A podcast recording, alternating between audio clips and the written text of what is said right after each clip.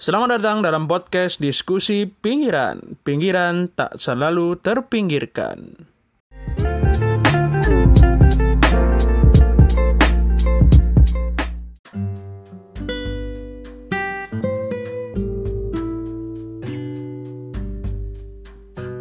Assalamualaikum warahmatullahi wabarakatuh. Apa kabar nih pendengar-pendengar diskusi pinggiran? Sudah lama tidak mendengar suara gue kan? Balik lagi dalam episode kesekian diskusi pinggiran pada kesempatan hari ini. Dan uh, hari ini gue Rifki tidak sendiri seperti biasa ada Uga dan Agaton. Halo, assalamualaikum. Apa kabar nih halo, Uga halo. Agaton? Waalaikumsalam. Halo, halo. Waalaikumsalam. Alhamdulillah. Oke, hari ini kita mau ngomongin apa nih, Gak nih? Katanya ada teman kita yang baru dari hutan nih. Tapi hutan bukan sembarang hutan, Ki. Wah, hutan bukan sembarang hutan. Di tengahnya ada Pulau Jawa, eh bukan ya? Itu Di, pantun di dalam. tengahnya ada peletakan batu. Nah, Uh, iya iya iya iya iya. Ini kayaknya isu atau fenomena yang masih akan tetap hangat ya sampai ke depan karena eh, pembangunannya akan selalu berkembang gitu ya. Ini kita akan ngomongin tentang suah daerah ya gak ya. Di mana tuh daerahnya gak? daerahnya ada di eh, orang-orang bilang jantungnya dunia katanya. Tepatnya di Wah, Kalimantan. Tepatnya Iya, lebih iya, tepatnya iya. lagi di Kalimantan Timur eh, di Penajam Pasar Utara. Nah, kalau teman-teman dengar kota ini, mungkin teman-teman udah familiar dengan namanya mega proyek yang melibatkan Wah. 400 sekian triliun kalau nggak salah. Mega proyek Iya. ibu kota negara. Ya, atau disingkat IKN ya, yang sudah diletakkan batu pertamanya oleh Presiden Joko Widodo dan telah diberikan nama nih gak ya? Namanya kayaknya nggak asing nih ya. Iya, nggak asing namanya. Namanya eh, bukan ini ya, bukan bukan namanya ini nggak. Kalau misalkan anak-anak dikasih nama tuh harus apa? Eh, pecahin telur. Eh apa sih? Eh, anak-anak- apa ya? biasanya- Itulah pokoknya. apa ya? Ya begitulah. Kalau anak bayi kan biasanya ada ritual khusus. Nah kalau ini ritual. Kalau di berita-berita sih tulisannya ritual. ya. Ritualnya Oh, iya, adalah, iya, iya, iya. eh, apa namanya memasuk me- me- apa ya me- mengumpulkan tanah dan air dari 34 provinsi yang ada di Indonesia. Iya. Nah, nama Iya. daerahnya itu adalah Nusantara. Wah, ini eh, seperti eh, nostalgia zaman dulu ya, ketika masih ada eh, kerajaan-kerajaan gitu ya, daerah eh, Nusantara gitu ya, atau ada yang bilang Nusa Antara itu adalah eh, Nusa Antara ya, di antara dua lautan gitu ya, Eh, di daerah yang sekarang teritorinya adalah bisa bi- dibilang eh, Indonesia dan Malaysia mungkin seperti itu, tapi eh, apa namanya lebih lekat ya dengan Indonesia. Nah di sini teman kita ini eh, Bung Agaton ini kemarin abis liputan nih dengar-dengar gak ya dari eh, IKN. Gimana Betul, kabarnya Agaton di sana nih? Ya, masih seperti Kalimantan pada umumnya ya, kebon. Eh, coba bisa di iniin ya apa namanya eh, ceritain nih Ton. Kenapa tiba-tiba lo liputan ke sana gitu kan terus apa yang lo temukan di sana dan mungkin ada beberapa fakta-fakta unik gitu ya yang terkait dengan IKN bisa diceritain nih Ton nih. Ya, sebenarnya ini kan nggak jauh dari ini ya, apa namanya, eh keseriusan pemerintah ya. Katanya kan Mm-mm. pemerintah serius untuk menggarap IKN ini mau memindahkan ibu kota dari Jakarta ke eh, Kalimantan Timur gitu, Penajam Pasir Utara dan eh, Kota Kartanegara itu di IKN itu. Nah, kemarin itu salah satu simbolnya yang eh, dilakukan oleh pemerintah adalah dengan mengadakan ritual kendi Nusantara kan. Jadi kalau tadi dibilang Rifki itu yang biasanya kita meresmikan sesuatu itu pakai peletakan batu pertama ini beda lagi. Udah udah nggak level kalau di IKN levelnya itu kita pakai kendi gitu. Jadi eh, 34 gubernur minus yang absen-absen karena sakit itu mereka dipanggil ke IKN buat naruh eh, tanah sama air dari eh, 34 provinsi untuk disatuin di kendi Nusantara itu. Terus eh, bikinlah eh, ritual di situ secara simbolis bahwa ini merupakan keseriusan pemerintah untuk membangun IKN gitu kan itu berlangsung tanggal kalau nggak salah kemarin tuh 16 atau 18 Maret pokoknya uh, sekitar pertengahan bulan inilah ya uh, Presiden Jokowi nah ke kemudian baru setelah ada ritual itu media-media ramai ke sana karena pengen tahu tuh sebenarnya uh, apa aja sih Jokowi yang dilakukan Jokowi di sana gitu. Salah satunya ritual Keni Nusantara dan uh, camping kan Jokowi sama uh, para menteri gitu. Jadi ke sana itu dalam rangka uh, liputan itu. Jokowinya udah pulang tapi kita pengen tahu. Nah, tadi ditanyain kan soal apa yang ditemuin di sana ya Kalimantan seperti pada umumnya gitu. Sebenarnya di sana itu belum jadi apa-apa ya. Maksudnya belum jadi apa-apa itu ya baru sebatas simbol saja gitu seperti uh, yang kemarin kita dipertontonkan itu oleh Jokowi itu titik nol ya jadi titik nol atau geodesi itu uh, bakal menjadi pusat atau uh, benchmark atau titik pusat untuk menarik garis dari bangunan-bangunan uh, sekitarnya. Jadi misalnya infrastruktur istana itu berapa meter dari titik nol. Jadi titik nol itu uh, berada di tengah-tengah semua bangunan itu gitu rencananya. Titik nol. Kemudian Joko eh, kita juga nemuin eh, tempat camping Jokowi yang letaknya itu sekitar eh, 2 km dari titik nol itu eh, di atas tanah eh, 80 meter di atas permukaan laut ya. Nah, Jokowi konon ke sana itu camping dan menunjukkan bahwa ya ini istana negara di sini dan memang itu adalah bukit paling tinggi di daerah KN itu gitu. Dan memang kemarin tuh agak ini sih waktu kita datang ke sana sekitar beberapa hari atau seminggu setelah Jokowi kemah itu kemahnya memang si tenda-tendanya itu udah nggak ada tapi bekas-bekasnya masih ada di situ kayak misalnya kamar mandi portable. Eh nggak portable sih ya. Kamar mandi yang dibuat khusus di situ itu. Terus uh, alas alas tendanya itu yang dari kayu triplek itu masih ada di sana dan eh, jalan-jalan buatan yang baru dibikin ketika Jokowi di sana gitu. Dan beberapa pohon yang ditebang gitu. Jadi emang orang-orang riuh gitu ketika Jokowi mau camping di sana itu sih yang ditemuin Oke. Wah jadi uh, masih hutan ya gue kira sebetulnya uh, udah ada yang dibangun tapi ini ya masih istilahnya masih lahan begitu ya yang uh, apa masih banyak pohon-pohon dan sebagainya gitu. Nah kalau misalkan nah, ngomong-ngomong kan, masalah, Hah? kenapa tuh?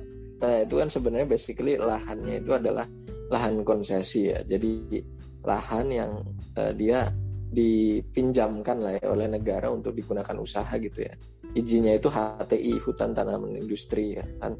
Itu sebenarnya di IKN itu titik nol dan apa istana negara itu berada di dalam tanahnya konsesi dari PT ICI Hutani Manunggal itu ICI Hutani Manunggal itu perusahaan ini ya apa e, perkebunan gitu yang memproduksi pulp atau bahan apa kayu untuk e, bikin kertas yaitu miliknya Sukanto Tanoto.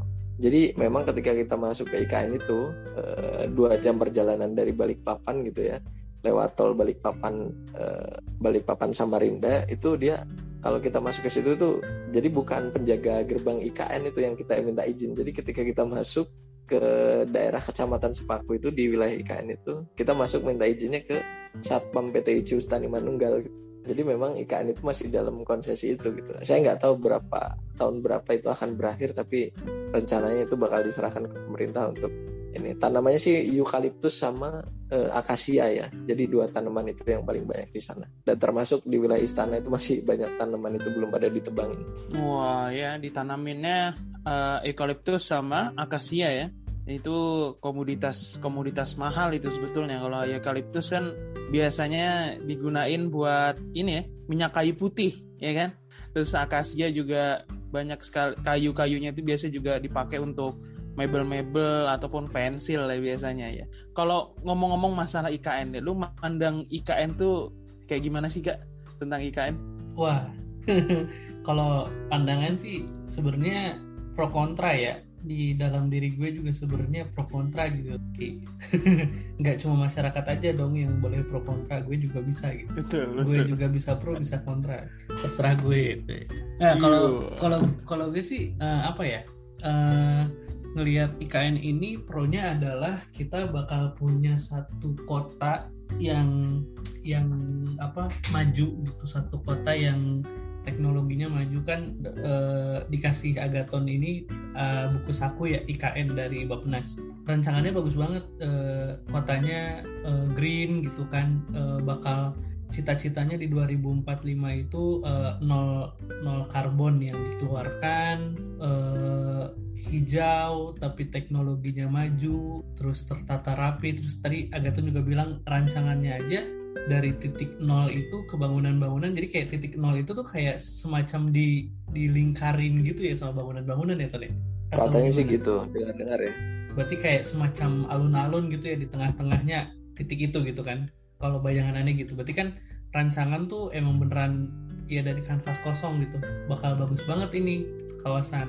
Cuma kontranya adalah eh, nampaknya eh, apa namanya ya nampaknya nampaknya ya dari masyarakat awam nih yang dikit-dikit baca lah. Itu pembangunan tuh kayak kayak yang dipaksakan gitu. Ya politik pemerintahan lah. E, pengen ini kan pengen ngebuat sesuatu yang ditinggalin tuh diinget sama orang-orang oh ini pemerintahannya ini bikin ini gitu. Nah emang bagus rencananya. Yang tadi sebelumnya nih ngobrol sama Agaton juga eh, apa segala sesuatu tuh bisa bisa di jadikan logika terbalik. Jadi misalkan lu pengen A ya udah cari alasannya untuk A ini terjadi gitu. Nah gue sih ngeliatnya kayak gitu ya sebagai orang awam. Kayak di teman-teman ini buku saku juga bisa di bisa diakses ya ton ya? Umum ya yang Bapenas ini. Umum gak sih? Ini Terbuka dari kebetulan kita dapat dari uh, ini kepala IKN itu Doni Rahajo nggak tahu ya aku belum cek oh. lagi di website Bapenas tapi uh resmi lah ini resmi. Resmi lah ya. Maksudnya yang mungkin aksesnya teman-teman ketua um, otorita IKN itu aja. iya apa namanya uh, mungkin bisa google google ya kalau ini dapetnya langsung dari A1 nih. Nah tadi apa namanya uh, dampaknya kalau ditulis dari buku saku ini tuh dampaknya misalkan kayak jangka pendek nih. Ada lima dampak nih uh, uh, dampak jangka pendeknya untuk pemindahan ibu kota negara. Mendorong ekonomi mendorong perdagangan mendorong output sektor lain mendorong ke kesempatan kerja meningkatkan pertumbuhan ekonomi. Yang jangka menengahnya juga sama tuh meningkatkan mendorong menumbuhkan kayak gitu. Uh, itu yang yang maksud maksud gue tuh uh, logika terbalik. Kita tuh dikasih sama pemerintah sesuatu yang ini loh kalau misalkan pindah ibu kota tuh dampaknya segini. Jangka pendeknya tadi dampak dampaknya 5 jangka panjangnya 5 cuma kita nggak dikasih tahu nih nggak dijabarin nih uh, negatifnya apa. Jadi kayak kalau pandangan gue sih ini tuh kayak proposal pemerintah biar masyarakat tuh mau aja gitu. Sementara dampak-dampak lainnya kayak misalkan uh, gimana sih apa namanya di situ tuh bener-bener hut ada apa namanya hut uh, keja uh, apa namanya ke keanekaragaman hayatinya terjaga nggak ketika ada manusia yang tinggal di situ? Karena kan otomatis yang tadinya tempat siapa jadi ditempatin siapa kan kalau kayak gitu lahan kosong kayak gitu kan. Terus juga masalah uh, apa namanya uh, dana anggaran kayak gitu. Uh, tadi 400 triliunan kalau salah di di mana? Di sini itu. Kemarin-kemarin uh, pemerintah ngebuka opsi untuk patungan masyarakat, patungan rakyat ya. Uh, seakan-akan patungan rakyat ini uh, menumbuhkan atau mengumpulkan jiwa-jiwa nasionalis yang yang kalau patungan kita tuh ngebantu negara gitu. Di satu sisi ya itu kelihatannya kayak oh nasionalis terus ngebantu ngebantu negara padahal di satu sisi proyek ini tuh sebenarnya butuh nggak sih kayak masyarakat yang rakyat tuh bener-bener butuh nggak sih atau emang ini tuh cuma ya politik pemerintahan aja uh, biar nanti di akhir jabatan uh, satu pemerintahan dengan rentang, rentang periode tertentu punya legacy yang ya bagus cuma dibutuhkan nggak kayak gitu kalau Ani sih dulu waktu waktu SD mik, sempat mikir kayak gini kan kita punya utang banyak ya negara tuh kenapa nggak setiap warga negara aja 200 juta orang dulu waktu SD mikirnya. 200 juta orang dikali seribu seribu perak kayak gitu bisa dapat berapa tuh 2 triliun ya nggak? Dua eh 200 juta dikali 1000 200 juta 2, 2 miliar 200 triliun. 200 eh ya ya sekitar segitu. Buat negara buat utang kayak atau buat bikin apa kayak daripada uh, ibu kota negara kayak gini. Kayak gitu sih kalau gua ngelihatnya gitu pro kontranya kayak gitu. Emang enggak iya jadi uh, memang dari masyarakat sendiri ya itu banyak sekali pro kontra ya. Kayak di banyak sekali portal portal-portal berita yang uh, meliput dari berbagai lini gitu. Dari latar belakang historis ya kan kemudian uh, sosiologis ya. Karena uh, membuka lahan membuka lahan baru itu memang uh, kita tidak tahu apakah uh, masyarakat sekitarnya itu sudah siap apa belum. Terutama kan masyarakat uh, Kalimantan itu uh, mungkin ya yang seperti awam kita tahu bahwa masih banyak yang uh, mengandalkan kehidupannya dari hutan. Hasil hutan kemudian uh, apa uh, banyak dari sungai dan sebagainya gitu kan. Kalau kita lihat uh, dari apa namanya uh, banyak berita gitu ya terutama yang terakhir gue tonton gitu yang cukup seru itu liputannya Watchdog ya. Uh, liputannya Watchdog tentang ekspedisi Indonesia Biru itu seru banget ketika apa namanya uh, kedua sahabat itu uh, Bang Dani Laksono dan juga Bang Ucok uh, sedang ada di Kalimantan gitu ya.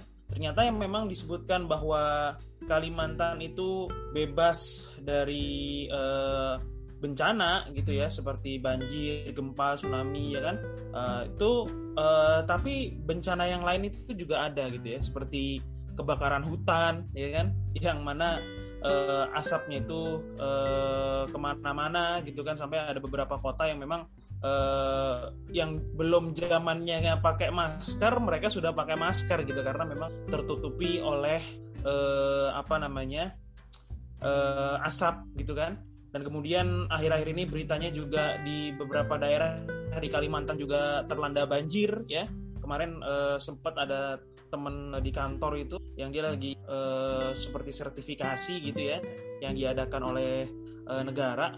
Dan ternyata temannya yang ada di Kalimantan tuh rumahnya sedang kebanjiran gitu ya dan banjirnya cukup. Jadi memang ya bencana kita nggak ada yang tahu ya. Tapi memang uh, mungkin kenapa dipilihnya di sana mungkin emang di daerah situnya tidak uh, terkena bencana mungkin atau kalau misalkan lo lihat nih ton dari apa yang uh, lo temuin Kalimantan ya di terutama di daerah Panajam apakah di daerah situ apa ya lo uh, wawancara masyarakatnya kah atau kayak gimana ton pas ke sana ya sebenarnya kalau masyarakat ya ikut kita wawancara ya sebenarnya isunya itu kan kalau yang terkait dengan yang lo omongin barusan tadi soal apakah masyarakat menerima dan soal terkait e, bencana ya. Kita ngobrol soal masyarakat menerima atau enggak dulu ya. Ya sebenarnya ada pro kontra juga seperti yang dibilang Uga tadi. Kalau masyarakat yang menerima itu mostly karena e, mereka itu merasa bangga. Kalimantan yang selama ini kita itu e, masyarakatnya itu sepi gitu jauh dari ibu kota terus kan kebanyakan hutan gitu kan kemudian tiba-tiba jadi uh, ibu kota negara gitu kan. Mereka merasa bangga uh, dan optimis sebagian sebagian di antaranya optimis kalau misalnya di Kalimantan itu ya mereka uh, kota-kota mereka akan ramai gitu. Khususnya di Penajam Pasir Utara dan Kutai Kartanegara wilayah yang bakal dikenai proyek IKN tapi kemudian ada beberapa uh, yang juga kontra gitu kan. Karena di sana uh, pembangunan IKN ini bakal uh, berpengaruh terhadap mereka, kehidupan mereka apalagi wilayah tadi KIPP atau kawasan inti pusat pemerintahan yang bakal langsung kena dampak proyek IKN. Jadi rumah-rumah warga itu udah dipatokin gitu kan. E, ketika udah dipatokin itu sesuai dengan e, peraturan pemerintah tertentu ya aku lupa e, nomornya itu dia statusnya nggak bisa dinaikkan gitu. Jadi misalnya tanahnya itu statusnya dia segel gitu, dia nggak bisa naikin jadi sertifikat hak milik gitu terus dia nggak bisa dipindah tangan kan. Pokoknya kalau udah dipatok ya nungguin inilah nungguin apa nasibnya gimana gitu gimana uh, sesuai dengan keinginan pemerintah kan. Karena itu kan uh, dalam proses pembebasan lahan. Nah cuman uh, pembebasan lahan ini belum jelas uh, ininya apa namanya uh, prosesnya gitu kan. Kapan akan diganti diganti proses skema penggantiannya seperti apa apakah ganti untung atau ganti rugi atau nanti masyarakatnya dipindahkan dari situ atau seperti apa. Karena kan orang yang kena dampak itu kan dia punya rumah di sana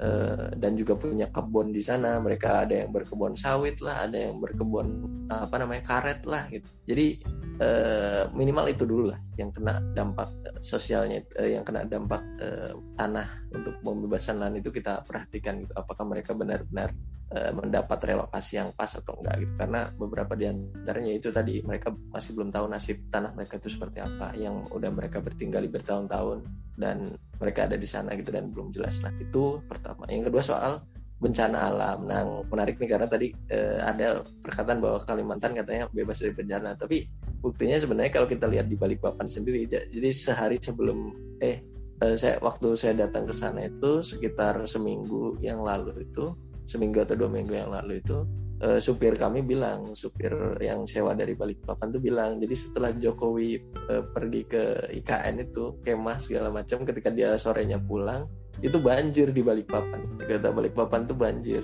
Makanya kalau dibilang Kalimantan itu bebas bencana ya sebenarnya enggak juga gitu. Pasti ada masih ada risiko-risiko semacam. Jadi itu yang kita temuin secara singkat sih kayak gitu Oke, berarti uh, apa namanya uh, bencana itu kan kita nggak ada yang tahu ya uh, kapan dan di mananya, jadi tidak bisa mengambil kesimpulan langsung bahwa memang kalau misalkan kita lihat secara geografis ya memang ya yang jarang banget uh, terkena bencana seperti gempa ya ataupun tsunami itu uh, Kalimantan gitu kan tapi tidak memungkinkan untuk terjadi bencana yang lain. Jadi kalau ngomong-ngomong uh, beranjak nih kita nih. Jadi uh, kalau tadi Uga ngomongin tentang masalah patungan ya karena uh, pemberitaan akhir-akhir ini pemberitaan terakhir bahwa nantinya akan dibuat seperti crowdfunding ya. Kalau dulu kita taunya crowdfunding itu uh, di pesawat R80-nya yang Habibi gitu ya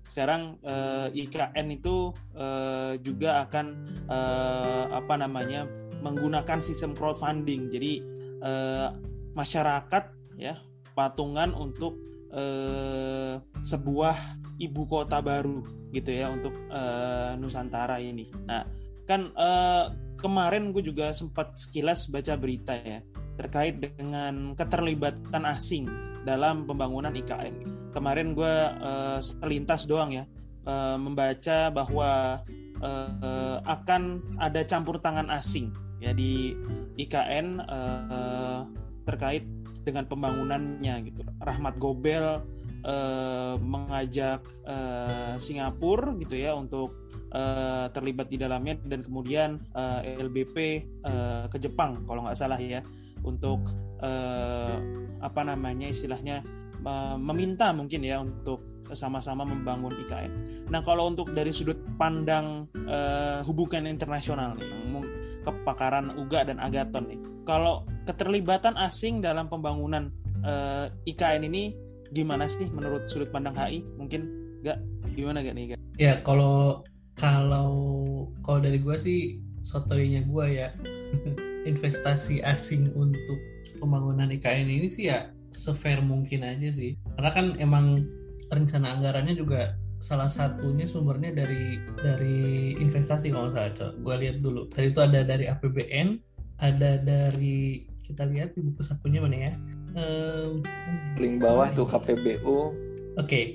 ada dari APBN ada dari KPBU KPBU itu artinya kerjasama pemerintah dan badan badan usaha terus ada dari skema swasta dan BUMN atau BUMD itu kan berarti membuka kemungkinan dari luar kan berarti masuknya skema swasta mungkin ya uh, investasi asing. Kalau gue sih uh, sefair mungkin aja, nggak nggak ya investasi itu harus terbuka lah, uh, nggak apa-apa gitu. Asal emang uh, apa namanya um, perjanjiannya atau detail detail kerjasamanya itu harus benar-benar fair. Bahkan kalau bisa ya menguntungkan investor tapi lebih menguntungkan kitanya kayak gitu. Nah gimana tuh caranya?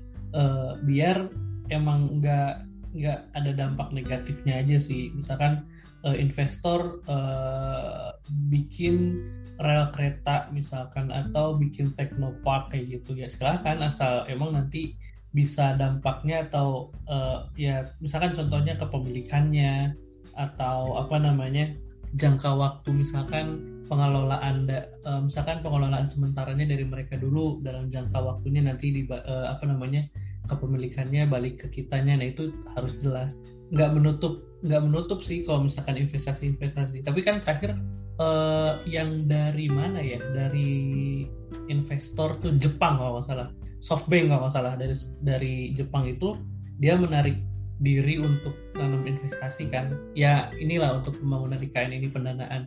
Nah, ada apa tuh? Apakah IKN tidak seseksi itu atau melihat nah ini memang bukan bahan investasi atau emang ada masalah di IKN-nya kayak gitu? Ya kalau gue sih intinya kalau misalkan investasi silahkan aja se sefair mungkin. Jangan jangan menguntungkan jangan sampai merugikan uh, negara yang mana artinya cuma untung di investor aja atau yang untung tuh uh, apa namanya uh, broker-brokernya aja tapi yang untung harus negara negara harus untung kayak gitu kayak gitu sih. Kalau menurut lo gimana ton?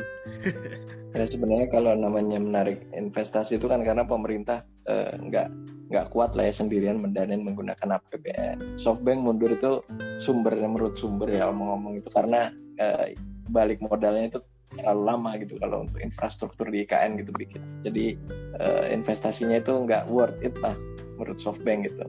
Kalau katanya katanya sih kayak gitu. Jadi eh, apa beban ini sebenarnya ingin dibagi gitu antara pemerintah dan eh, swasta melalui KPBU dan eh, tadi kerjasama BUMN dan swasta gitu kan. Nah uh, soal fair fairan gue setuju sama Uga. Karena kenapa? Karena uh, ya namanya proyek kita gitu kan harus untuk demi uh, tujuan kita gitu. Tetapi kita nggak mungkin juga nggak mungkin juga sesuai keinginan kita karena investor juga kan punya kepentingan gitu. namun begitu kalau misalnya emang duitnya nggak ada menurut saya sih nggak usah dipaksakan gitu. Karena kebutuhan kita masih banyak. Kan kalau dari uh, matriksnya itu iya karena kalau matriksnya itu kan kita lihat uh, dari APBN itu 20% yang katanya tadi tadinya nggak pakai sama sekali APBN kan. Sekarang APBN butuhnya sekitar 20% untuk IKN 20% dari 466 triliun itu masih besar gitu dan itu uh, bisa cukup untuk menghidupi banyak hal gitu kan. 80 triliun. Nah sekitar berapa? Enggak 80 ya? 80 triliun. 400 T 20 persennya kan? Ya 20 persen. Kalau ya. misalnya dana itu kira-kira Eh, susah untuk dianggarkan dari APBN dan harus mengetok dari dana-dana anggaran lain misalnya pendidikan segala macam itu kan nggak mungkin juga bakal mengurangi hak orang banyak. Kalaupun misalnya dari urunan 80 triliun itu ya mungkin kita harus mengumpulkan sekitar 40 orang seperti Aki Ditio gitu. Masih inget gak Aki Ditio iya masih ya ngasih yang katanya ngasih bantuan 2 triliun untuk iya. covid ke Polda Polda mana? Sumatera Selatan ya kalau sulit sulit. nah itu. Kayak gitu misalnya kalau kalau ada orangnya sih nggak masalah tapi kalau nggak kalau nggak ada orangnya mau gimana lagi? Kalau nggak bisa ya nggak usah dipaksakan. Menurut saya sih gitu sih. Iya jadi apa namanya uh, untung-untungan ya jadinya ya. Untung-untungan ketika memang uh, melihat uh, perkembangan dari pembangunan IKN ini gitu ya sampai tadi jelaskan bahwa kenapa SoftBank itu ya dari Jepang itu menarik investasinya ya karena memang uh, balik modalnya itu cukup lama ya untuk uh, pembangunan dari IKN ini. Cuman uh, apakah istilahnya uh, pemindahannya bukan hanya pemindahan ibu kota ya, tapi juga pemindahan uh, sumber daya manusia gitu ya. Sumber daya manusia uh, dari uh, kota yang sekarang gitu ya DKI Jakarta menuju uh, IKN Nusantara yang ada di Penajam di Kalimantan Timur. Karena berita yang uh, tersebar juga di media sosial gitu ya bahwa ketika uh, ada pemindahan ibu kota gitu ya kan otomatis uh, ASN ASN atau aparatur sipil negaranya itu kan juga berpindah gitu ya dari dari uh, ibu kota Jakarta yang sekarang menuju IKN Nusantara.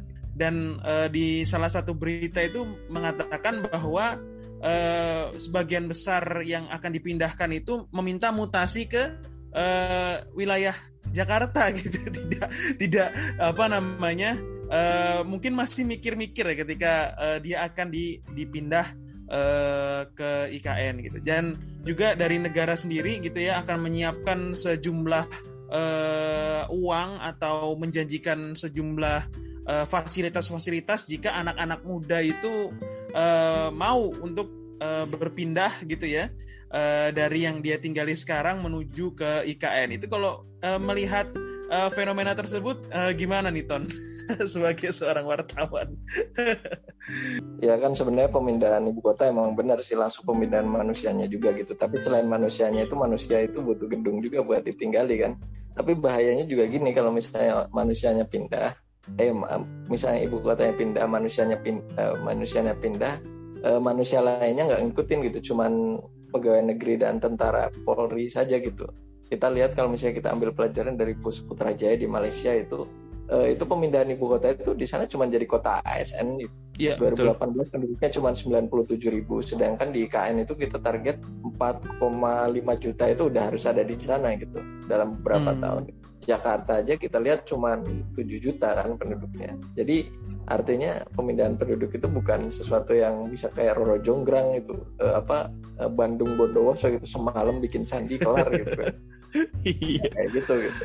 Jadi eh, wajar aja kalau orang worry ya karena mereka udah settle di Jakarta, mereka nggak mau pindah bikin kehidupan baru di ya ibarat kata kalau kita bisa bilang karena itu kebunnya. Mohon maaf antah berantah gitu. kayak gitu sih jadi ada kekhawatiran di ASN sendiri itu sih yang kita lihat uh, tapi Israel kayaknya nambah penduduk dari Eropa kayaknya gampang-gampang aja ya Wah, skip skip. Tapi, kan bisa dua keluarga negaraan. Ah, ya udahlah. uh, apa namanya? Tapi kan uh, aneh mau nanya deh. Uh, kan tadi dengan dengan dana yang segitu uh, terus apa namanya uh, kondisi seperti itu uh, sebelum nanya memungkinkan atau enggak kenapa Pak Jokowi campingnya jauh dari titik nol kilometernya tuh karena itu yang bakal jadi istana gitu. Jadi uh, kenapa nggak di titik nol gitu ya campingnya gitu ya? Yeah. karena titik nol itu bukan bukan wilayah istana sih jadi rencananya itu. Ya di titik nol itu kalau nggak salah ya kalau yang aku dengar itu dia bakal jadi uh, geraha Pancasila atau Geraha Nusantara gitu ya. Tapi bukan istana gitu yang yang di campingkan Joko itu di titik nolnya itu. Eh di apa? Mohon maaf di istana gitu. Jadi kurasa sih gini jadi camping itu bahwa suatu saat dia bakal mendiami tempat itu sebagai istana gitu walaupun sekarang masih kebon gitu. karena kan targetnya tanggal 16 Agustus itu Jokowi udah ada di sana dan 17 Agustus itu udah upacara di sana udah upacara 17-an di sana. Ya ini menurutku ambisius lah cukup ambisius gitu. Dan itu menjadi alasan dia campingnya ada di uh, istana itu calon istana bukan di titik nolnya. Dekat sih jaraknya enggak iya, jadi dekat sih ya kalau di hutan uh, selempar mata memandang sih dekat pas jalan agak jauh tuh jangan jalan kaki juga jalan kaki jempor jadi kalau dari gerbang PTIC itu di Simpang Terunen namanya itu gerbang masuk wilayah konsesi itu satu kilometer itu ke arah titik nol.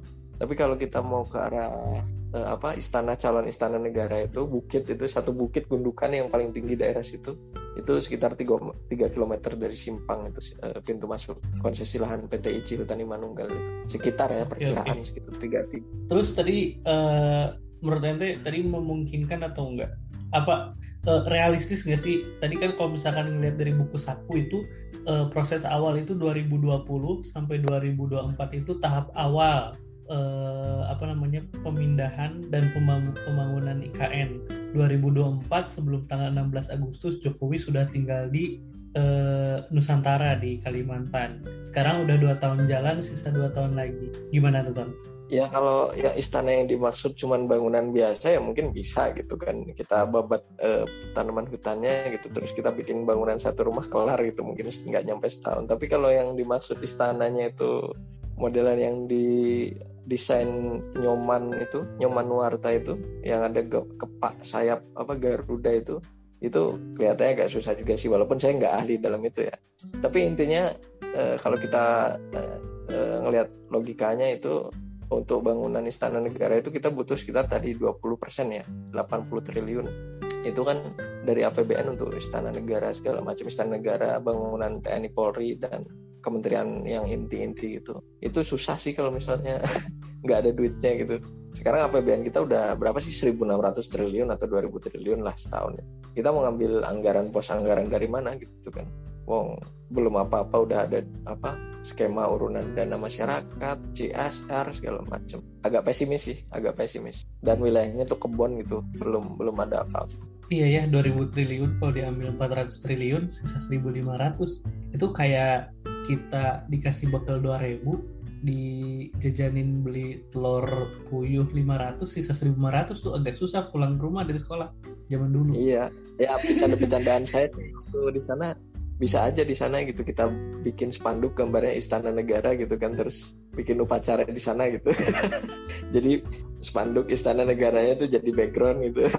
Waduh wah keras bor tapi emang emang biasa di kita gitu nggak sih kayak misalkan kayak kemarin eh, peresmian tol Cisumdawu ya kayak yang wih Cisumdawu udah jadi padahal cuma berapa kilo doang dari Cileunyi ke ke mana itu daerah Rancakalong kayak 10 menit doang. Emang biasa kayak gitu kan kita peresmian, yang penting resmiin dulu. ya seremonial dulu lah tapi yang paling Iya, penting iya. itu kita itu punya budaya Bandung Bondowoso itu kita jadi misalnya acara hari apa gitu kita siapkannya Hamin satu itu kelar gitu the power of kepepet kan namanya Iya iya.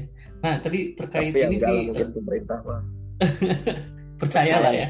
saya Percaya percaya, kok, kalau percaya. misalnya kalau misalnya mungkin eh, dikasih tambahan waktu kan 2024 misalnya mepet mungkin 2027 gitu Wah, waduh, wah, waduh. Wah, itu Bahasan lain menyangkut lah. isu yang lain itu yang yang yang juga hangat itu ya. Nah, Jadi itu kan obrolannya bukan bisa- saya, bukan saya. Itu 2027 kan partai-partai itu bilangnya begitu. Ya saya sih Iya. cuma nyampein doang. Gitu. Siap, lempar isu aja ya. Tan, ya. Nah, eh, tadi nanggepin terakhir eh, bahasan SDM, eh, apa namanya? eh, katanya banyak banyak i- apa namanya isunya ASN ASN pusat itu eh, mau minta mutasi kalau misalkan jadi pindah ke Kalimantan mutasi mutasi ke lembaga atau ya lembaga terkait yang eh, adanya di daerah Jakarta gitu ya ya itu sus apa namanya tantangan tantangan tantangan buat pemindahan IKN proyek IKN ini. Gimana caranya eh, IKN ini nggak cuma sekedar eh, bangunan gitu tapi ada manusianya di sana yang menghidup menghidup menghidupi ya hidup dan menghidupi IKN itu sendiri gitu. Eh, apa namanya pindah di sana. Selain itu kan tadi kata Agaton juga nggak mungkin ASN TNI Polri doang yang tinggal di situ karena bakal ekonominya bakal segitu-segitu aja kali ya perhitungan. Dan eh, apa namanya eh, selain itu juga tadi sebelumnya juga ngobrol sebelum tag ini sama Agaton akses ke sana pun jalan masih kecil ya. Kecil tuh maksudnya eh, ya paling jalan dua mobil ya Ton ya. Dua jam dari kota terus em, ya aksesnya perlu diper diperlebar eh, bukan diperlebar ya diperlancar juga gitu. Dan itu kan nggak nggak mudah juga sisa dua tahun nih. Kalau misalkan 2024 targetnya adalah presiden pindah ke Kalimantan ya berarti pemerintahan seenggaknya pemerintahan udah harus mulai berjalan di sana gitu yang inti-intinya. Minimal menteri-menteri sama dirjen dirjen-dirjen kementerian udah tinggal di sana kayaknya. Kayak gitu. Sementara eh, dua tahun infrastruktur yang hari ini masih hutan sih ya ya agak ya agak sulit lah ya. Tapi kita doakan sih dan kalau gue sih mau nambahin terkait eh, pembangunan proyek ini ada tuh di buku sakunya ditulis. Jadi di kayak timeline gitu apa namanya udah dibahas beberapa presiden kan. Dari mulai zaman Soekarno ke Palangkaraya. Yang menarik itu ketika dibahas sama SBY SBY bilang kalau ibu apa namanya pembahasan ibu kota negara ini ya udah di Jakarta aja. Skenario nya di Jakarta di pertah apa namanya skenario nya adalah mempertahankan Jakarta sebagai ibu kota namun direncanakan dan dibangun benar-benar. Ini menarik sih kalau Bappenas nulis kata-katanya SBY kayak gini di tahun 2013 ya berarti secara nggak langsung emang yang nggak tahu nih entah Bappenas mengakui atau Bappenas menjadi speaker bahwa pemerintah pusat eh, tidak mengurus Jakarta dengan benar-benar kayak gitu atau kayak gimana gitu. Karena menarik banget sih ini eh, SBY bilang mempertahankan Jakarta sebagai ibu kota dengan direncanakan dan dibangun benar-benar atau memindahkan pusat pemerintahan keluar dari Jakarta. Berarti ya itu. Bisa disimpulin sendiri lah kayak, gitu. kayak menarik aja sih. Ya udah Jakarta tetap nggak tetap lah ya di diurus ala ala Kodrihi tapi uh, bikin baru gitu. Atau Jakarta benar-benar ya kan maksudnya uh, jadi apa ya ya itulah ada prioritasnya di sana. Sementara ada sumber ada juga tuh, uh, presiden presi, ada presiden yang bilang oh enggak ada kepala daerah yang bilang kalau misalkan dia jadi presiden bisa hilang tuh masalah di Jakarta banjir kalau nggak salah. Kayak gitu sih. Jadi menarik banget ini. Ya itu dulu gak. Tapi ada sumber yang bilang nggak ini nggak ada di mana-mana sih. Cuman obrolan sama orang gitu. Tapi orang ini pernah A1, dengar A1. katanya Bapenas itu Hah?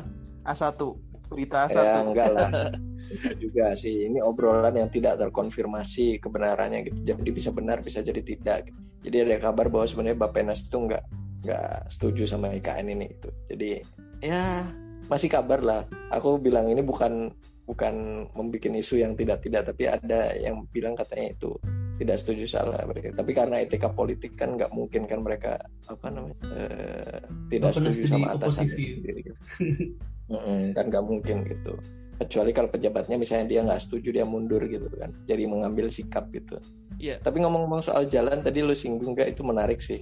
Uh, soal akses itu kan katanya kecil yang tadi Uga bilang kecil itu kan. Ya memang sih kecil tapi sebagian emang udah bagus gitu ya. Di dari Balikpapan. Mostly kalau orang mau ke IKN itu dari Balikpapan atau dari Samarinda gitu. Dari Samarinda maupun Balikpapan itu dia dua jam perjalanan menuju Penajam Pasir Utara tempat IKN berada itu di Kecamatan Sepaku. Nah kalau dari dua tempat itu jalannya emang bagus banget gitu kan dua jam perjalanan lewat eh, sempat lewat setengah perjalanan itu lewat tol Balikpapan Samarinda itu emang bagus dan sepi bener gitu enak gitu lancar. Tapi kalau kita lihat e, jalur lain gitu ke arah pusat kota Penajam Pasir Utara itu kan ada di selatan ya daerah selatan Balikpapan. Itu proyeksinya juga dua jam gitu dan lewat jalan ya semi jalan kampung gitulah ya dua arah e, jalannya udah aspal tapi buset lubangnya di mana-mana. Itu ada bahkan lubang itu kayak kolam gitu. Jadi kalau itu hujan itu bisa hujan mancing lele gitu bisa mancing lele. Bahkan kalau misalnya kita pakai mobil sedan gitu wah itu ngejeblos itu nggak bisa jalan mungkin. Hmm. kalau lewat situ.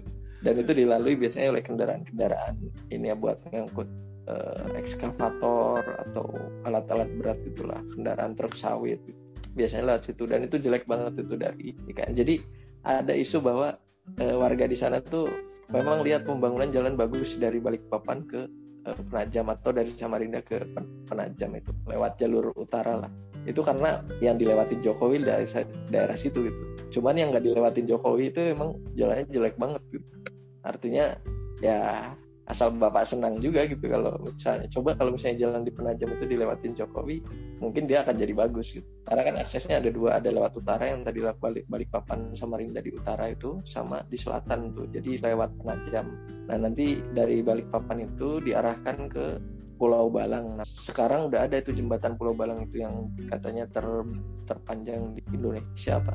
Cuman belum jembatannya udah kelar tapi si apa akses dari balik papan menuju jembatan itu tuh masih dalam pembebasan lahan itu proses pembebasan lahan itu, sekitar 9 kilo jadi belum bisa dilewatin gitu. artinya ya jalan-jalan ini bagus karena ada Jokowi aja coba kalau enggak gitu jadi jelek gitu masih jelek jadi untuk masalah akses juga masih ini ton ya masih ada permasalahan. Dan juga kalau kita ngomongin masalah uh, kota gitu ya ngomongin masalah kota itu uh, pastinya bukan hanya pembangunan uh, fisiknya saja ya tapi juga pembangunan dari uh, masyarakatnya ya. Walaupun memang pemerintah di sini uh, sampai membuat sayembara gitu ya siapa yang uh, berkenan pindah ke IKN gitu kan akan uh, mendapatkan hal yang ini ini ini seperti dulu zamannya transmigrasinya uh, Mbah gitu ya.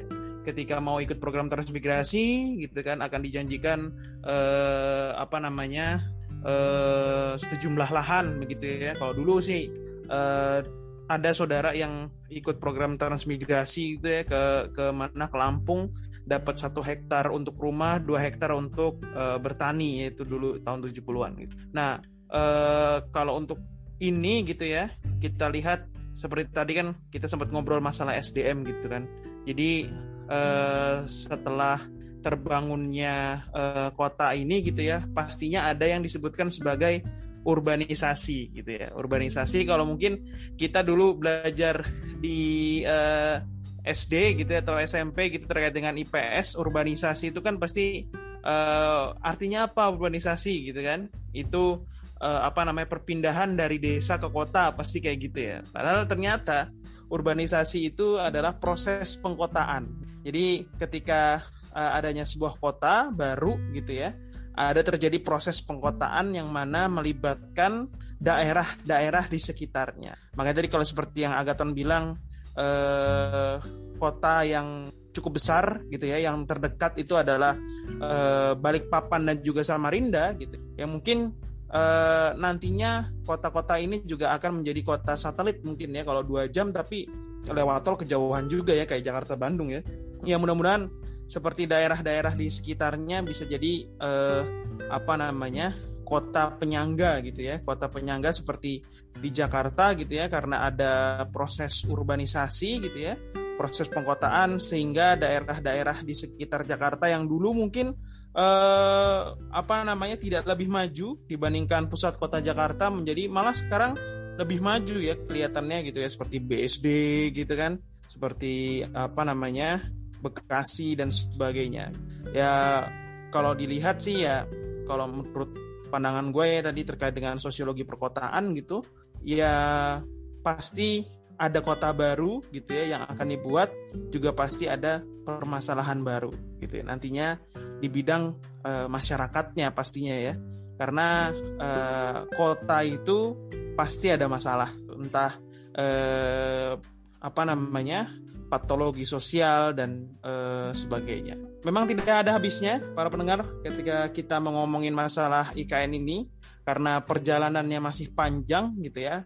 Mungkin uh, ke depan kalau kita bisa menemukan fakta-fakta terbaru mengenai IKN ini bisa kita bicarakan dan kita bahas nih apa nih nanti kelanjutannya. Ketika IKN ini yang tadi dijelaskan uh, gitu ya akan mulai ditempati presiden itu uh, di tahun 2024 gitu ya. Bahkan uh, sudah ingin melakukan upacara bendera di IKN. Menarik sekali untuk dibahas dan nantikan episode-episode uh, mendatang dengan bahasan-bahasan yang lebih seru di diskusi pinggiran. Dan jangan lupa untuk selalu uh, pantengin uh, sosial media diskusi pinggiran ya. Bisa dilihat di Spotify di diskusi pinggiran dan juga di Instagram ya di @diskusi_pinggiran. Terima kasih sudah uh, membersamai kami di diskusi pinggiran episode kali ini. Uh, gua Rifki pamit. Gua Uga pamit. Gua Agatan pamit. Dan sampai jumpa di episode-episode mendatang. Assalamualaikum warahmatullahi wabarakatuh.